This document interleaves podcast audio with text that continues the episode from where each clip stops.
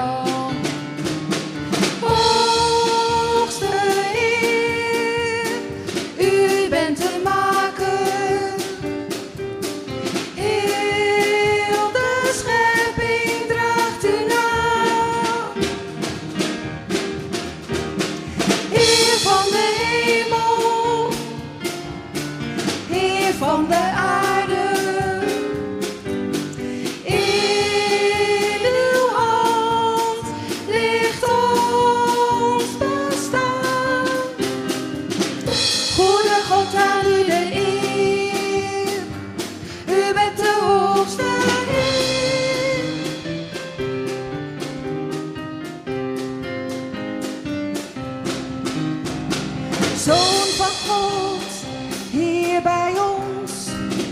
God is overal. In open ogen en zachte handen. God is overal. In de liefde voor de ander. God is overal.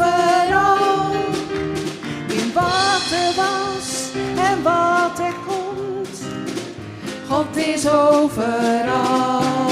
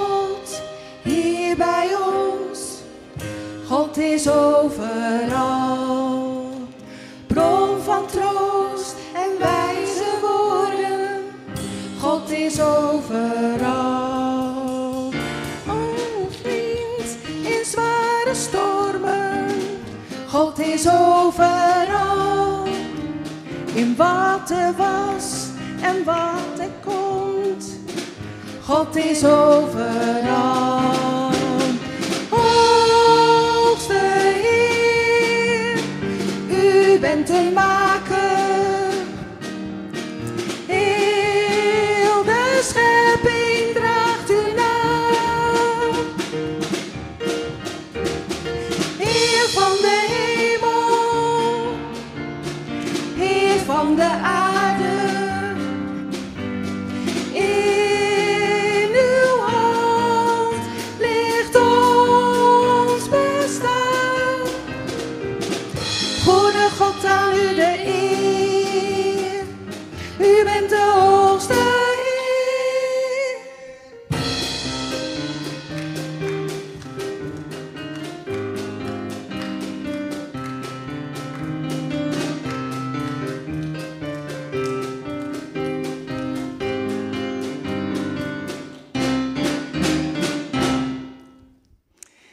Lieve trouw God Vader, Heer, ik wil u zo danken, Heer, dat u de Allerhoogste Heer bent.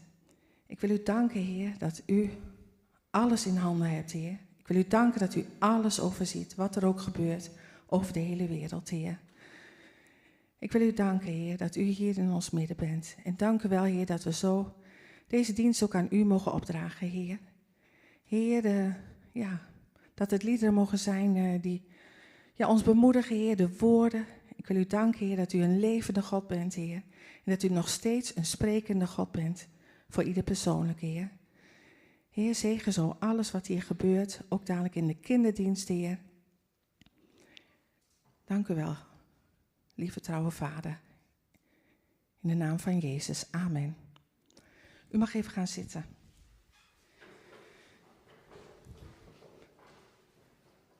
Ik, ehm, nou, welkom heb ik gezegd, maar allemaal welkom. Fijn dat jullie er allemaal zijn. Eh, vandaag gaan we luisteren naar uh, Daniel Grevers. En die heeft ook het onderwerp welkom, welkom, welkom. Dus, nou, meer dan welkom zou ik zeggen. Ehm, even kijken. Ik heb hier een eh, bloemetje staan, dat is al weggegeven. Geniet ervan. Ik weet niet of die luistert, maar. Um, even kijken. Ik heb. Vanaf volgende week gaan, gaan we ook weer live de collecte houden. Dus daar kunt u daar vast rekening mee houden. En dan heb ik ook nog een voorstelling op 26 september van een, een cabaretvoorstelling van Eer en Nan. En um, dat is voor de vrouwen. En als je daar naartoe wil, dan kan je je uh, aanmelden op CG de ontmoeting slash Eer en Nan. En dan kan je aanmelden voor een gratis uh, ticket. Dus als je daar naartoe wil, dan is het uh, wel nodig dat je je aanmeldt, want je hebt een, een kaartje nodig. Eigenlijk zouden we deze zondag een andere dienst hebben. De meeste van jullie weten dat. Dat Zet en Lisette vandaag uitgezegend zouden worden. Alleen dat is uh, um, opgeschoven naar volgende week. Maar de liederen had ik eigenlijk daar wel een beetje op uh, nou, uitgezocht. En, ik had hun gevraagd om een lied, dus dat gaan we ook zingen. Dus we gaan gewoon de liederen zingen die ik eigenlijk uitgezocht had voor, voor die dienst. Dus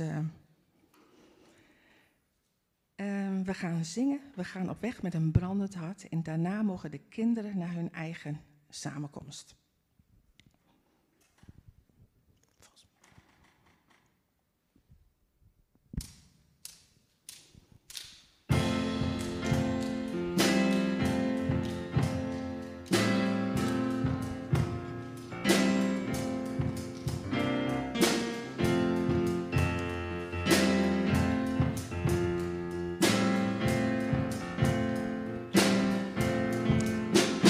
Gaan op weg met een brandend hart, met een gebed bij elke stap.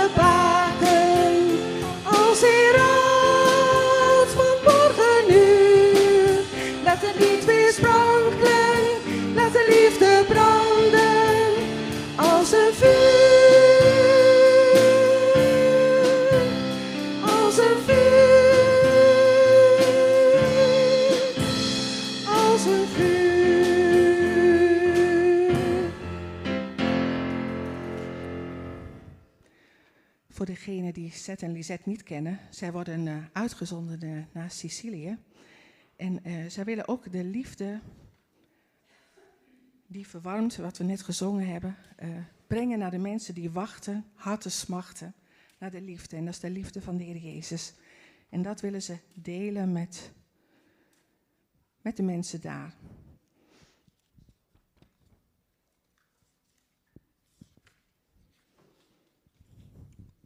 The goodness of God.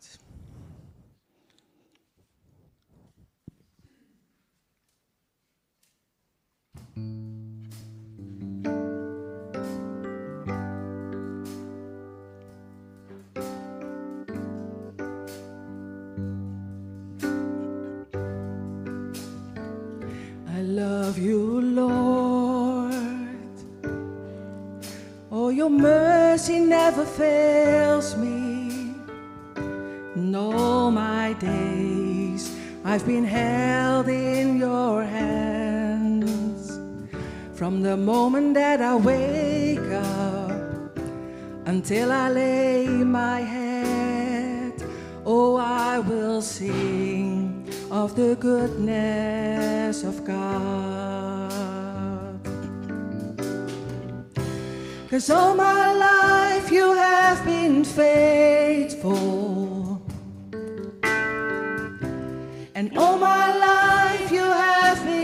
So, so good. With every breath that I am able, oh, I will sing of the goodness of God. I love your voice. You have led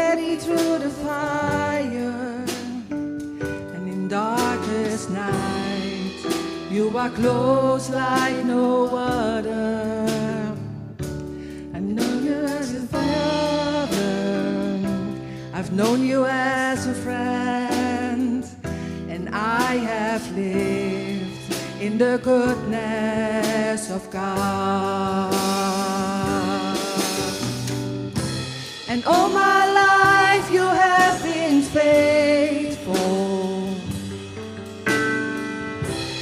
all my life you have been so, so good. With every breath that I am able, oh, I will sing of the goodness of God. Your goodness is running after, it's running after running after, it's running after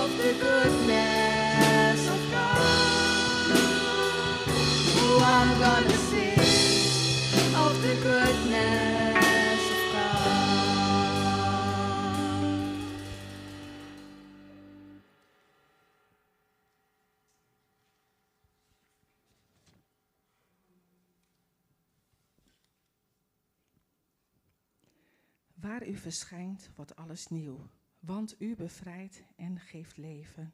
Elke storm verstilt door de klank van uw stem. Alles buigt voor Koning Jezus.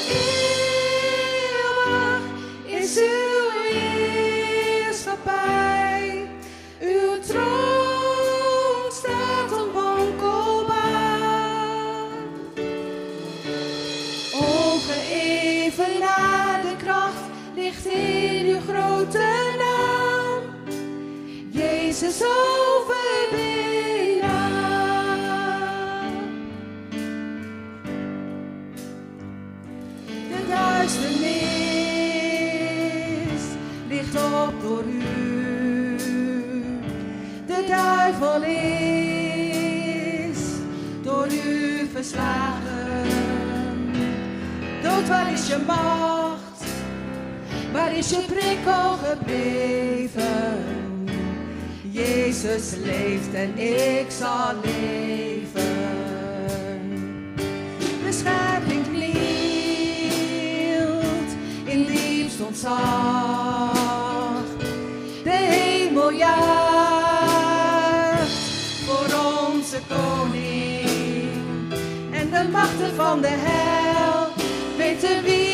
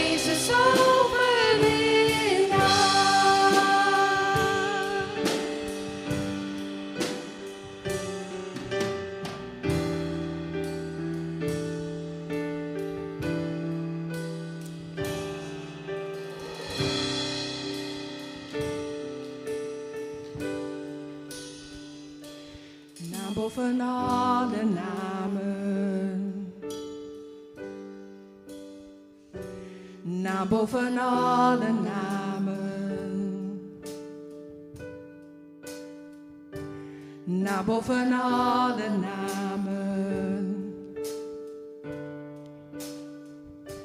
Naar boven alle namen.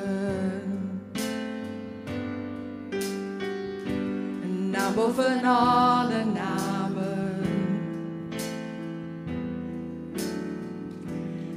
Boven alle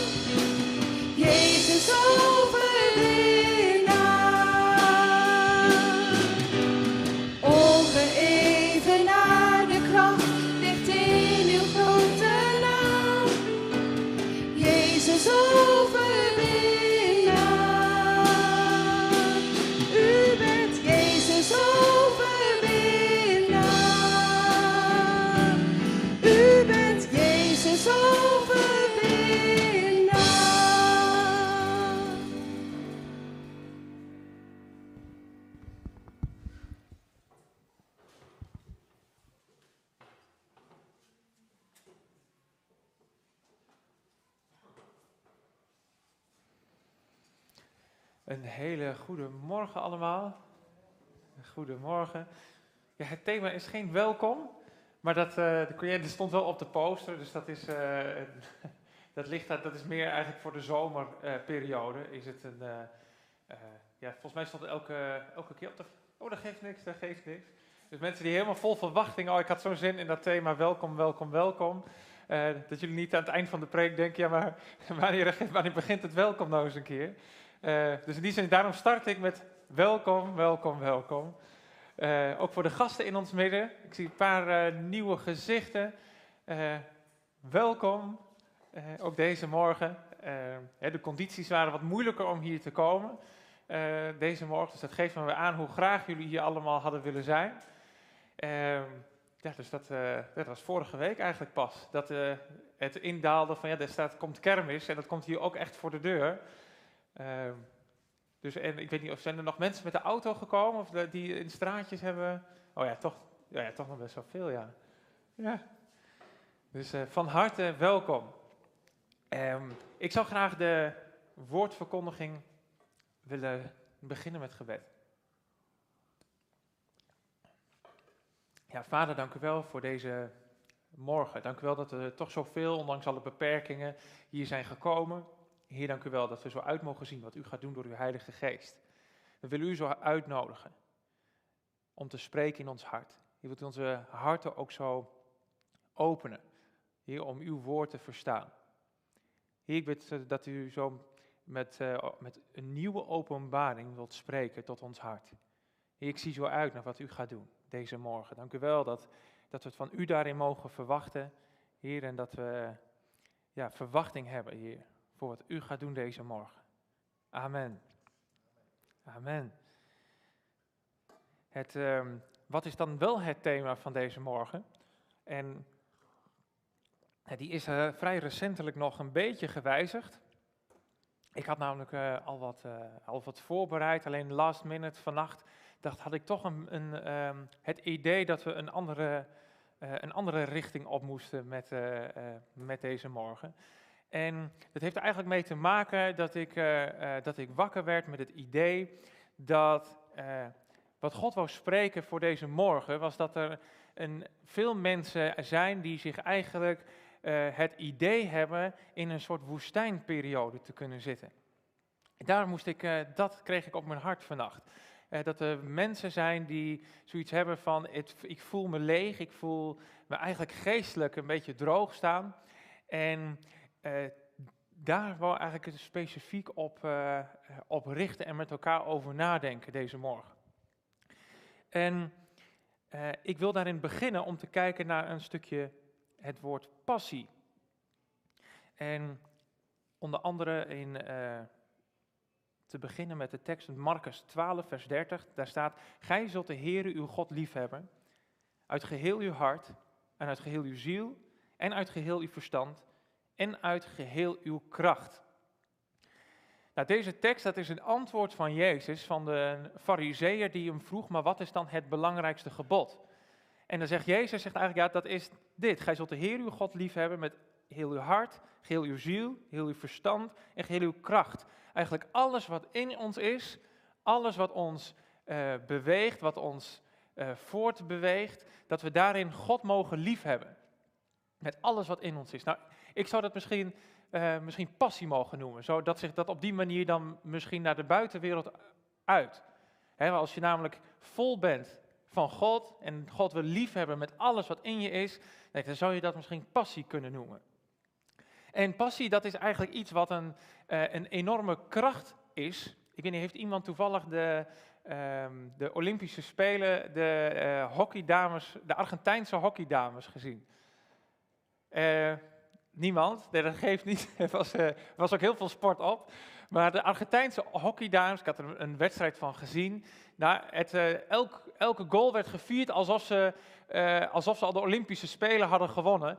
En het ging er in ieder geval, nou ja, die gaven, als je het hebt over alles geven, nou, dan had ik het, als ik daarnaar keek, dat die alles geven. En dat is het misschien wel een beetje met passie. Um, zoals Louis van Gaal het zo treffend zei uh, tijdens het EK, dat niet altijd het beste, uh, de, verzameling van beste individuen hoeft te winnen, maar uiteindelijk het beste team wint. En dat heeft soms mee te maken dat een team zo gepassioneerd is en zo één doel samen hebben en zo uh, ja, met alles wat in hen is dat geven. Dan hoeven ze niet per se de beste techniek te hebben, maar toch inderdaad op de winst kunnen zijn. En ik herken dat wel een beetje, want um, dat je daarin soms dan nog meer resultaten kan boeken dan wanneer je inderdaad op het talent alleen vaart. Om een voorbeeld te noemen, tijdens het voetballen ik heb altijd, mijn passie was voetbal, vroeger. En mijn conditie was eigenlijk altijd op peil. Terwijl ik nooit heb meegedaan of nooit voor mezelf hele lange conditionele saaie trainingen heb gedaan. Of ik heb er eigenlijk conditioneel nooit wat aan gedaan voor mezelf. Maar mijn conditie was al altijd goed, was altijd, altijd top. als ik een Cooper-test moest doen op gym, dan was ik de enige die dat ook echt leuk vond. En de rest, voor de rest was het allemaal de meest verschrikkelijke dag van het jaar voor de meesten. En dat had dan niet zozeer te maken met dat ik een, uh, een bepaalde zo'n drive had om een goede conditie te hebben. Het had er meer mee te maken, mijn passie was voetbal. En ik trainde drie keer in de week. En uh, dan twee keer en dan ook nog een wedstrijd.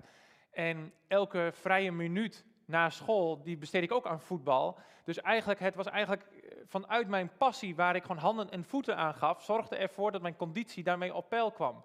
Uh, passie zorgde soms voor dat, dat je bepaalde dingen een extra mijl kan zetten, zonder dat je voelt dat je het doet, omdat je het gewoon uit passie doet.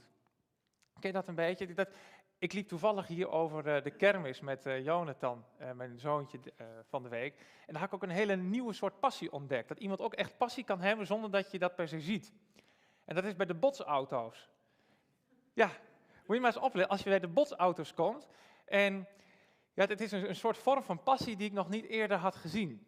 En met name jonge lui, die waren dan aan het, zaten in de botsauto's. En die hebben dan tegenwoordig trainingspakken met heuptasjes die je niet langer op de, om de heup draagt, maar zo schuin. Dat, het is in tegenwoordig. Die zaten daarin, maar die zijn zo gepassioneerd, alleen je ziet dat niet, je moet dat weten. Die zitten met een uitgestreken hoofd, zitten ze in die, in die botsauto's en één voet zo, dan, zo of schuin erop, zodat dat je iets meer kracht kan zetten als je botst. Alleen het punt is, de passie zit hem erin dat op het moment dat je iemand botst of je wordt gebotst, dat je met een zo uitgestreken mogelijke hoofd ook kijkt van, nee, maar ik voel niks. Of Hè, ik, eh, het is een soort fanatisme, alleen dat, dat moet je dan niet laten blijken. Als iemand jou dan botst en dat hoofd gaat dan helemaal heen en weer als zo'n dashboardpoppetje, maar dan vervolgens met een uitgestreken hoofd van, eh, maar dat deert mij niet. Zo super fanatiek zijn ze daarmee. En dan, gaan wat, en dan hebben ze zulke zakken met, in die heuptasje, die zakken met muntjes natuurlijk voor die, voor die eh, botsauto's. Maar op de een of andere manier is het een, een bepaalde passie dat, ehm, dat ons kan drijven. Wat ons eigenlijk verder kan brengen dan wanneer we iets uit een verplichting moeten doen. En dat kennen we denk ik allemaal wel. Alleen, daar zit soms, wanneer we tot geloof komen, kan daar soms een, een keerzijde aan zitten, aan die passie. En de tekst die ik net al heb gelezen, in Marcus, gij zult de Heer uw God liefhebben met geheel uw hart, geheel uw ziel, geheel uw verstand. Ja, dat was voor mij altijd een beetje een tekst van, ja, dat is het belangrijkste gebod en daar wil ik dan ook gehoorzaam aan zijn. Alleen het punt is, ik voel me niet altijd gepassioneerd op die manier. Dat ik het idee heb dat alles in mij helemaal overloopt van de Heer. En daar heb ik zo vaak mee lopen worstelen. En heb ik me zo vaak dan, ehm, of ben ik de enige die dat mee, dat ik denk van oeh, er is echt iets mis met de spreker deze morgen. Maar ik denk dat iedereen zich daar wel ergens iets eh, in kan vinden. Dat, dan las ik die tekst en, dan denk ik, oh, ik, eh, ja, ik moet wel gepassioneerd zijn. Ik moet alles wat in me is, God liefhebben. Alleen dan soms dan voelt het zo droog en dan voelt het zo, eh, zo'n woestijnperiode kan het soms voelen. Dat, je, dat ik dan soms me veroordeeld voelde van, ja, maar ik ervaar dat niet. Ik voel dat nu niet. Waar, waar is het nou? En dan ga ik druk op zoek naar, om het ergens vandaan te halen. Want het moet er kennelijk zijn, want het is het gebod. En dan kwam, wist er ook nog zo'n tekst, maar ik heb één ding tegen u, dat gij uw eerste liefde verzaakt hebt. En dan dacht ik in zo'n periode, dacht ik, dan las ik die tekst en dacht ik, ach, ik zit, ben nu ook nog daar. Van, ik verzaak het nu ook nog dat ik die eerste liefde nu verzaakt heb. En dat heeft God nu tegen mij. En dat is dan een beetje de worsteling waar, ik, waar je dan in terecht kan komen. En ik denk niet ik alleen. Ik denk niet dat ik daar de enige in ben. En met elkaar wil ik dan nakijken, maar wat als je nou in zo'n periode zit, hoe kunnen we, gaan we daar nou mee om?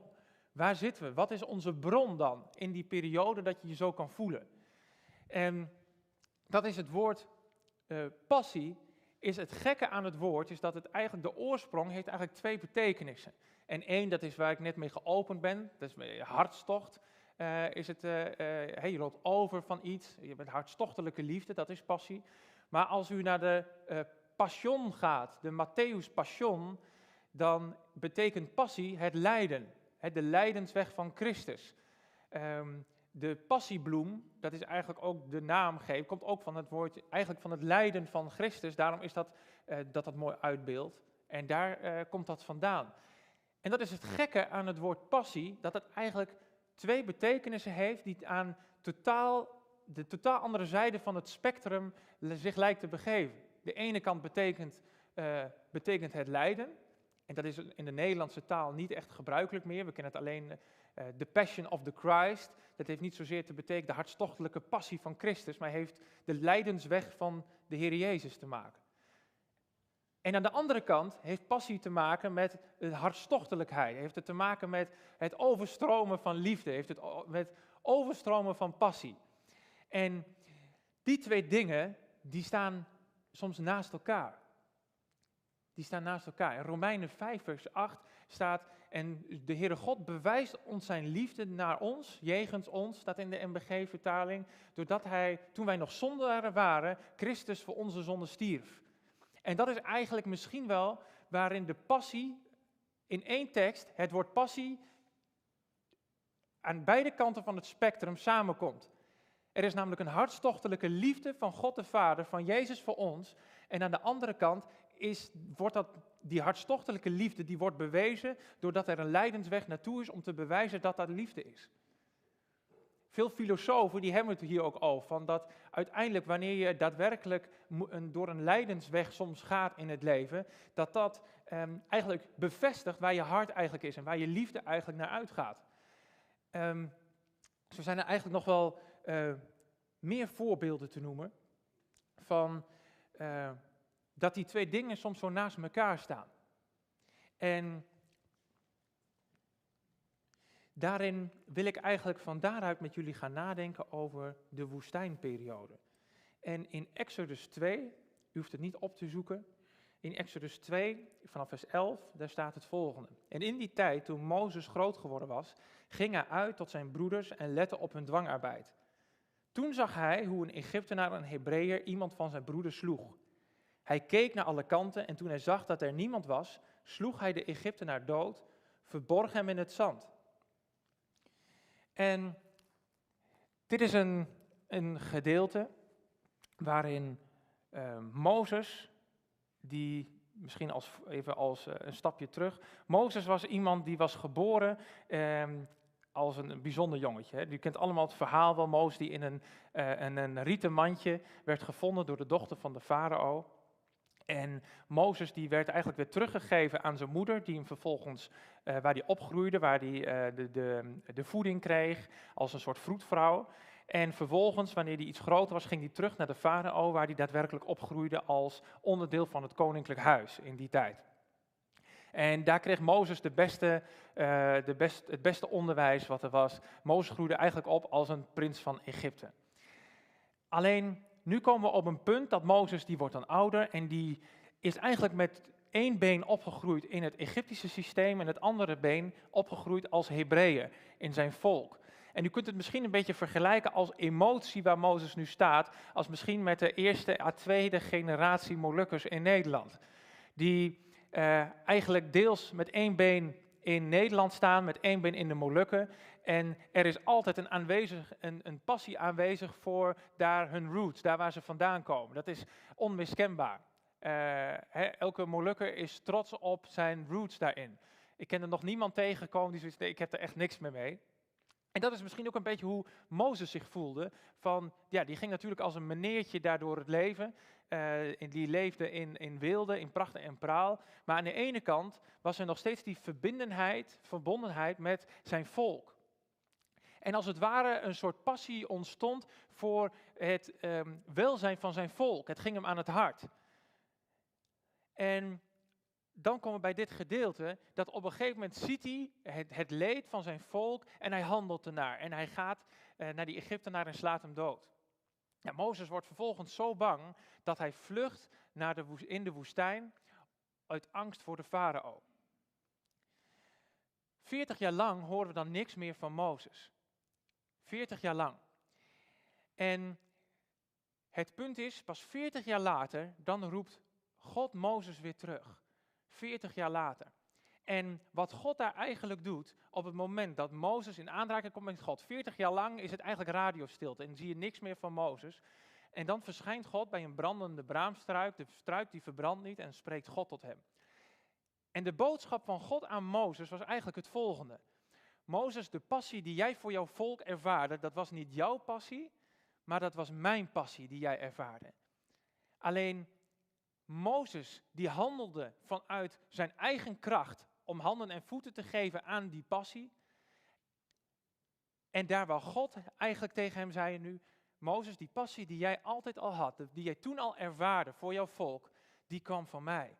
Alleen, ik ga jou nu terugsturen en niet langer wil ik dat je vanuit je eigen kracht handen en voeten gaat geven aan jouw passie, maar ik wil nu dat je in mijn kracht gaat. En vanuit mijn zending ga je uit. En ik geef je handen en voeten mee. Ik geef je teken en wonderen mee. Ik geef je de kracht en de bekwaamheid mee om vervolgens nu handen en voeten te geven aan je passie. En dit is een punt waar we heel vaak in ons leven soms terechtkomen. Dat we in een situatie van droogte zijn, terecht zijn gekomen, omdat je eigenlijk denkt, ja, maar waar is mijn passie nou? En dat we daarin moeten leren van maar wat de bron is van onze passie. Want als we in de woestijn komen en in de droogte komen en eh, het enige wat ons drijft is inderdaad, oh ik moet inderdaad die passie hebben. Ik moet met heel mijn hart, met heel mijn ziel, met al mijn kracht, met heel mijn verstand, moet ik God lief hebben en passie hebben voor God. Dan kom je erachter dat je het in jezelf het niet hebt. Het in jezelf, als dat je bron is en er komt een droogte, dan merk je, hé, hey, in één keer is die passie er niet meer. En wat wij net als Mozes mogen leren, is dat wij wanneer we uitgaan en wanneer we soms in droge periodes komen, dat wij niet langer, langer leven vanuit de bron, vanuit onszelf. En dat we vanuit onszelf iets op moeten roepen van ja, ik moet nu gepassioneerd zijn. Dat is eigenlijk net het begin van het eind. Op het moment dat ik tegen mijn zoon ga zeggen, ja, jij moet gepassioneerd zijn voor voetbal. Uh, het één ding is zeker, uh, hij zal uit een plichtsbesef op een gegeven moment wel die rondjes moeten gaan lopen om aan zijn conditie te werken. Waarom? Omdat het niet eh, vanuit hemzelf een passie is wat opborrelt. Nee, het wordt vanuit buitenaf wordt het, wordt het, wordt het opgelegd. En dat is wat Mozes, eigenlijk de les die Mozes leerde in de woestijn, is dat, wat is je bron? Want de tweede keer dat Mozes namelijk de woestijn inging, en dat is dezelfde woestijn waar Mozes voor de tweede keer in terugging, in Midian, uh, niet in de Sinaï, zoals in de meeste topografische uh, afbeeldingen staat in, in, de Bijbels, in de oude MBG's. Eh, Mozes ging terug met het volk Israël, terug naar Midian, daar waar hij ook zijn schoonvader Jethro weer ontmoette. En dat ligt in Saoedi-Arabië. Hij ging in diezelfde woestijn ging hij weer terug. Alleen nu zie je dat daar ook periodes, woestijnmomenten waren met het volk Israël.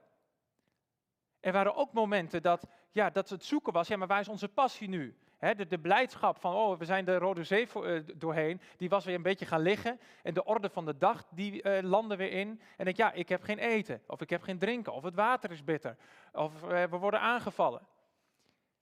En daarin zie je het verschil. Daar waar Mozes de eerste keer in de woestijn, 40 jaar lang, zitten kniezen en denk van ja, maar waar is God nou? De tweede keer zie je dat Mozes in staat is om constant op zoek te gaan naar de bron waar de passie vandaan komt, waar de antwoorden vandaan komen.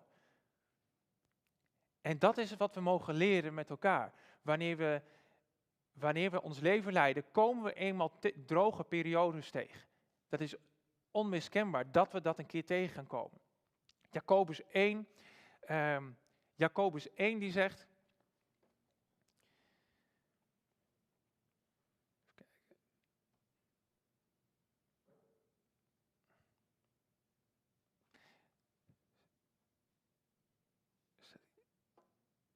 Als gij in vele, ik, uh, ik heb hem zo even niet hier, als gij in vele uh, beproevingen raakt, uh, houd het dan voor enkel vreugde als gij in vele verzoekingen raakt. En het woord verzoekingen, dat is ook beproevingen, en, testen, experimenten. Dat is eigenlijk het Griekse woord wat daar wordt gebruikt. Het is eigenlijk wat, wat eh, Jacobus daar zegt, iedereen die maakt een keer die droge periodes mee. Maar in plaats van te gaan kniezen van, ja maar waar is mijn passie nou? En eh, heb ik God nog wel lief? En waar is God dan? Mogen we weten, wat is de, mogen we weten, houd het voor enkel vreugde. Houd het voor enkel vreugde. Wanneer we inderdaad in die woestijn trekken. Houd het voor enkel vreugde, want het zijn testen zodat we inderdaad uiteindelijk in ons geloof uh, gesterkt gaan worden. En dat is ook wel het mooie, wanneer je namelijk naar alle geloofshelden in het Oude Testament kijkt, en ook in het Nieuwe Testament, dan zie je dat er een woestijnperiode nodig is om hun verder te brengen. En waarin ze allemaal naar zichzelf terug moeten om te onderkennen wat de bron is in hun leven.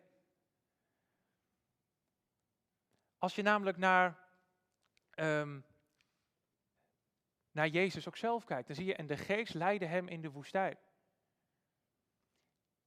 Het mooie is dat al die mensen van God, die de woestijn, zie je ook allemaal, dat ze een aanraking van God hebben op het moment van droogte, van geestelijke droogte van die woestijn, in die woestijnperiode. En dat is ook het grappige, want het woestijn betekent in het Hebreeuwse woord wat er staat, heeft eigenlijk ook weer twee betekenissen. De ene kant is het droogte, is het wildernis, is het onvruchtbaarheid. En aan de andere kant betekent dat stem of spreken. En dat is ook, ook een moment wanneer we inderdaad in een woestijnperiode terechtkomen, zie je dat, dat dat het moment is dat God ook zijn stem wil laten spreken. Zijn stem wil doen laten horen. En tot ons wil spreken. Alleen wanneer we gericht zijn op onze eigen passie, op onze eigen bron, van ja, ik heb het nu niet, dan merk je dat je op jezelf gericht bent en niet naar die stem van God kan luisteren. Hebreeën 6, vers 1 staat: Laten wij daarom het eerste onderwijs aangaande Christus laten rusten en ons richten op het volkomen, zonder opnieuw het fundament te leggen van bekering, van dode werken en van geloof in God zonder opnieuw het fundament te hoeven leggen van bekering van dode werken en van geloof in God. Wat ik heb gemerkt is op het moment dat ik soms, om een voorbeeld te noemen, want soms hebben we een beeld bij, ja, maar wat is dan zo'n woestijnperiode in mijn leven? Is dat, ehm, dat hoeft niet altijd een fysiek, zonder werk, fysiek geen, eh, eh, ik heb mijn baan verloren of ik ben, eh, heb met ziekte te maken. Dat hoeft niet altijd. Het kan ook gewoon een geestelijke droogte zijn. Dat je eigenlijk denkt van ja, eigenlijk gaat alles goed in mijn leven en heb ik alle reden om dankbaar te zijn, maar ik voel me geestelijk droog. Dat kan ook. En wat ik zelf heb moeten leren in mijn eigen leven, is dat ik ook in bepaalde perioden, ik had ook een passie in mijn hart om het woord van God te verkondigen. En daar wilde ik nee, ook gestalte aan geven. Alleen ik kwam op een gegeven moment ook op een moment van, uh, hè, soms wekelijks, soms één keer in de twee weken, dan weer een preek moet voorbereiden. Dat het op een gegeven moment denkt van, het moet weer iets, ik moet weer iets op papier hebben staan. En de, druk van, pff, ik voel me nu even leeg, maar ik moet zondag wel weer daar staan en ik moet wel weer wat dat hebben. En ik merkte dat ik op een gegeven moment, um, dat ik zelf de bron werd van de woordverkondiging. En daarmee bedoel ik dat ik was gericht op, mijn, op het verhaal, op uh, de punten die ik wilde maken, uh, op uh, inspirerend te willen zijn. En op het moment dat ik dan weer hier ging staan, dan was ik soms zo vol in mijn hoofd met het verhaal en het, moet wel, het moet precies allemaal kloppen. En hoewel het werk dat ik doe en wat ik de handen en voeten wil geven aan de passie die ik heb, hoewel dat op zichzelf niets verkeerd is, word ik wel zelf de bron van waar het vandaan moet komen. En dat is een beetje wat ik, wat ik bedoel te zeggen, dat ik moet leren om daarin ook alles weer over te geven aan God. En wanneer ik die droge periodes ervaar, daarin mijn passies moet laten zien, maar wat is nou de bron van mijn passie? Is dat iets wat uit mezelf moet voortkomen of is dat iets wat uit de geest moet voorkomen? Kijk, iedereen kan namelijk inspirerend zijn op een vakgebied. Ik heb uh, David Attenborough, of iemand wat zegt, kan heel inspirerend zijn over het klimaat en deze aarde. En hetzelfde is als ik de Bijbel opensla, kan ik ook heel inspirerend zijn, omdat het gewoon genoeg punten in zich heeft om een inspirerende boodschap te houden. Het verschil alleen is, op het moment dat ik uitga vanuit de passie van God, die God in mij heeft gelegd, en terugga naar de bron van mijn passie, dan is het woord van God, wanneer ik het breng, levensveranderend in plaats van inspirerend. En dan put het mijzelf ook niet uit, omdat ik zelf de bron niet meer ben. En dat is hetzelfde met Mozes. de eerste keer daar had hij, eh, zag hij geen mogelijkheid meer om zijn passie nog gestalte te kunnen geven. Maar op een gegeven moment kwam God en die, die greep in. En die zegt maar, het was mijn passie in jou en ik zend jou nu met de bekwaamheid.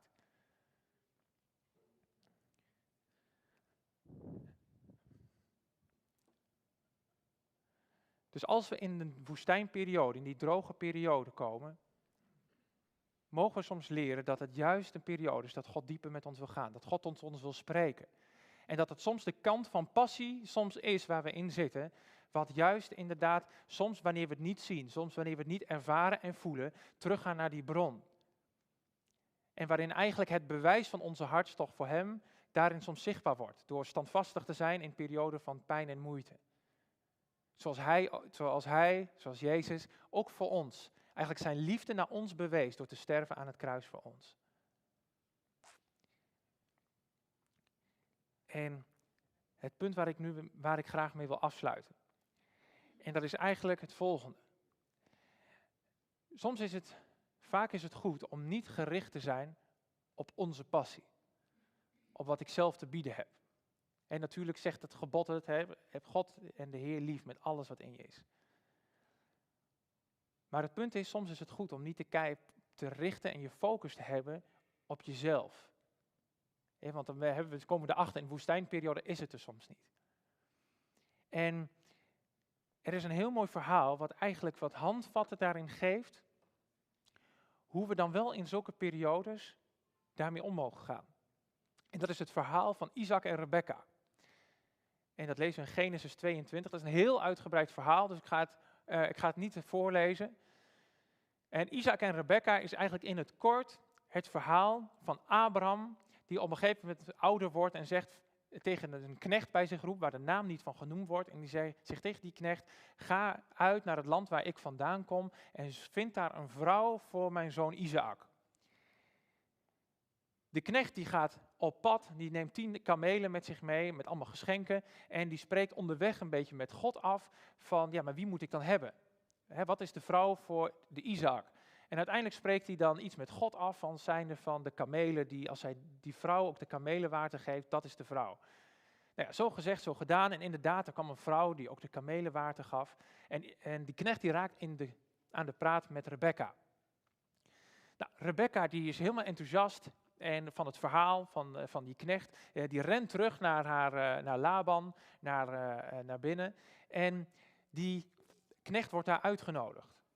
Ja, die knecht die doet daar in dat gezin het verhaal. En die zegt, ik ben op zoek, ik ben uitgezonden van mijn heer Abraham om voor zijn zoon Isaac een vrouw te zoeken. En de heer heeft gesproken, dat moet Rebecca zijn. En nou, iedereen is natuurlijk enthousiast. Maar dan zegt de knecht, ja, maar we gaan wel morgen weer terug. Dus er is geen tijd om uitgebreid afscheid te nemen, maar je moet wel nu met mij mee. En morgen gaan we op pad. Nou uiteindelijk wordt de keuze aan Rebecca gelaten en die wil dat. En daar gaan ze op pad. Met alle kamelen gaan ze weer terug naar Isaac. En het wonderlijke van dit verhaal is dat Rebecca, die verlaat huis en haard voor uh, haar bruidegom die zij nog nooit heeft ontmoet, nog nooit heeft gezien, dan alleen van de verhalen van de knecht. En in ons leven is dat niets anders. Op het moment dat u tot bekering bent gekomen, bent u niet tot bekering gekomen. Eh, in sommige gevallen is dat wel het geval, de uitgezonderingen daar gelaten. Maar de meeste van u die hier zitten, die zijn niet tot bekering gekomen omdat Jezus in jullie slaapkamer verscheen eh, en jullie zegt, eh, volg mij. Jullie zijn tot bekering gekomen omdat het woord van God in jullie harten geland is. En het is de Heilige Geest die in ons hart Jezus voorstelt, voorspiegelt. En dat we in ons een passie ontstaat voor Jezus. Die eigenlijk, eh, dat we Hem willen volgen, ons leven willen afleggen. Dat zelfs opdracht als we willen ons het kruis op ons nemen om Hem te volgen. En waarom? Omdat de knecht, de Heilige Geest, is uitgezonden om eigenlijk Jezus groot te maken.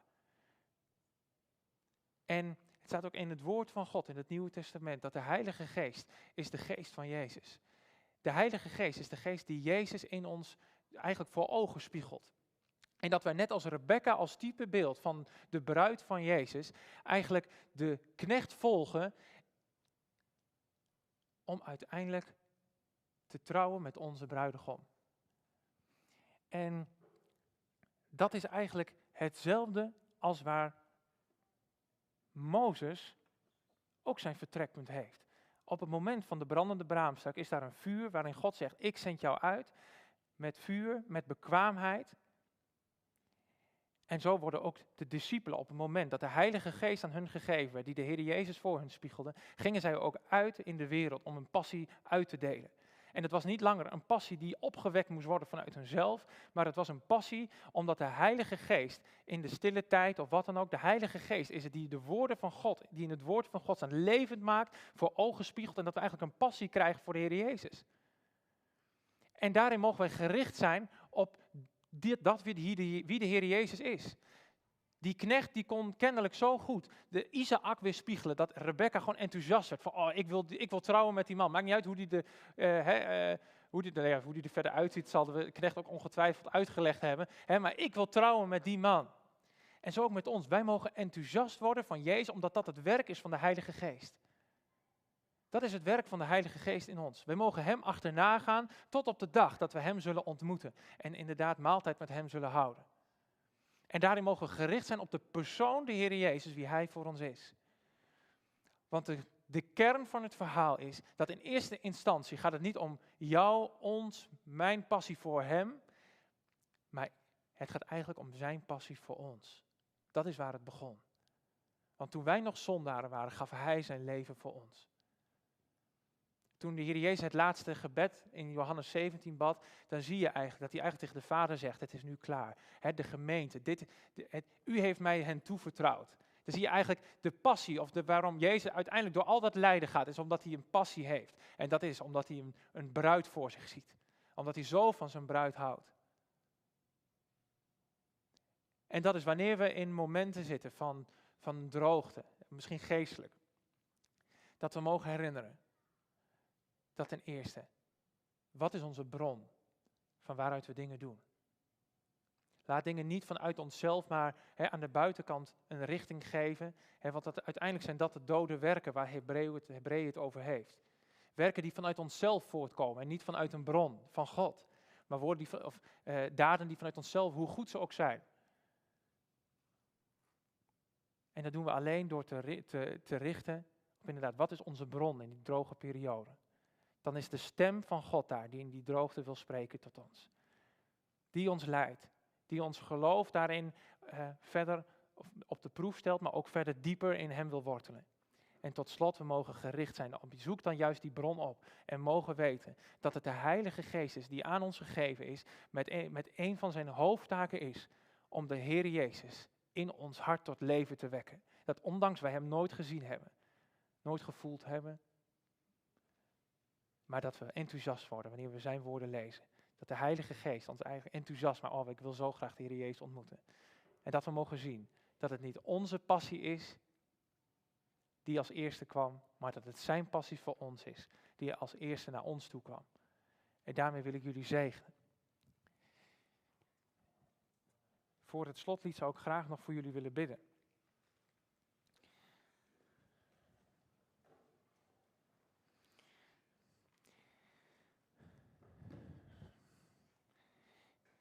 Vader in de hemel, ik wil u zo bedanken voor deze ochtend. Ik wil u zo bedanken dat u door uw Heilige Geest hier zo aanwezig was. Heer, ik wil ook zo bidden voor de mensen die hier zijn, die eigenlijk in hun hart zoiets hebben, hé, maar dit gaat over mij. Ik ervaar ook een droogte in mijn leven en het, ik heb het gevoel dat het stagneert, of dat mijn geestelijke groei stagneert, of ik heb het gevoel van, waar is überhaupt mijn geloof? Hierin, u heeft hen zo bijzonder op het oog deze morgen. Hierin, ik hoop zo dat u hen door de woordverkondiging zo handvat heeft willen aanbieden. Dat soms zulke periodes in ons leven God degene is die ons daarin heeft geleid. Waarom? Omdat Hij ons op een positie wil brengen waarin Zijn stem hoorbaar kan worden voor ons in de stilte. Waar we moeten leren soms inderdaad om dat we het zelf niet bij machten zijn om soms te voldoen, maar dat we mogen luisteren naar uw stem en mogen weten dat u de bron bent van leven in ons. Heer, ik wil zo in het bijzonder voor hem bidden. Ik wil hen aan u opdragen. Hier wilt u hen zo zegenen. Hier wilt u hen zo door uw Heilige Geest op dit moment zo in, in die stil, stille plekken brengen. Heer, waarin uw stem opnieuw tot leven gewekt zal worden. Woorden die misschien, hè, bijbelversen die misschien al uh, jaren en dag opgedreund kunnen worden. Heer, ik bid zo dat er op dit moment opnieuw leven zal, door zal vloeien. Heer, ik bid zo dat uh, op dit moment, ik moet zo denken aan het, uh, het beeld van de verloren zoon die thuiskomt en eigenlijk in de armen wordt gesloten bij de vader. Heer, dat ondanks mensen misschien wel jarenlang inderdaad u volgen, maar juist dit beeld ook in periodes van droogte ook voor hun mag zijn en toe mogen eigenen. Dat we um, thuis mogen komen bij de vader. Dat we thuis mogen komen in acceptatie. Dat we thuis mogen komen omdat u ons omhelst, in die, ook in die periode van droogte. Dat we de stilte op mogen zoeken. En mogen weten dat u zal spreken.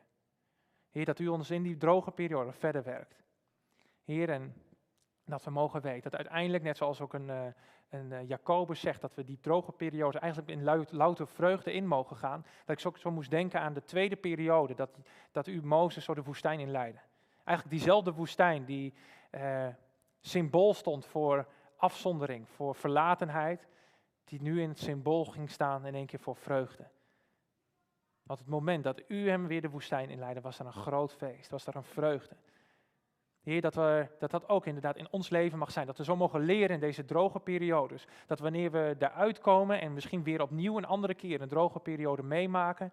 Heer, dat we zo mogen weten van, ah, dit is een periode van stilte, dit is een periode van vreugde. Omdat u tot ons spreekt, omdat u ons dieper brengt in relatie met u. Dat, omdat we nieuwe bronnen mogen aanboren, Heer, waarin de kracht vanuit u komt en niet vanuit onszelf.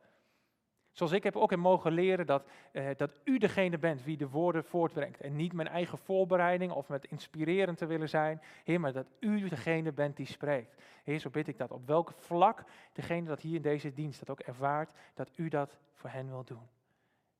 Ik zegen hen daarin zo in Jezus' naam. Amen.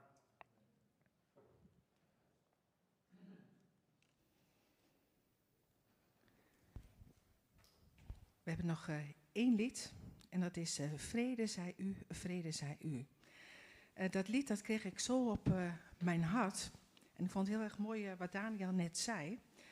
Um, als je dan in de opwekking kijkt, dan gaat het over Johannes 20, vers 21. En dat heb ik hier voor mij. En dat gaat over de verschijning van Jezus aan de discipelen. Nadat hij is opgestaan uit het graf. Dan ga ik een klein stukje voorlezen.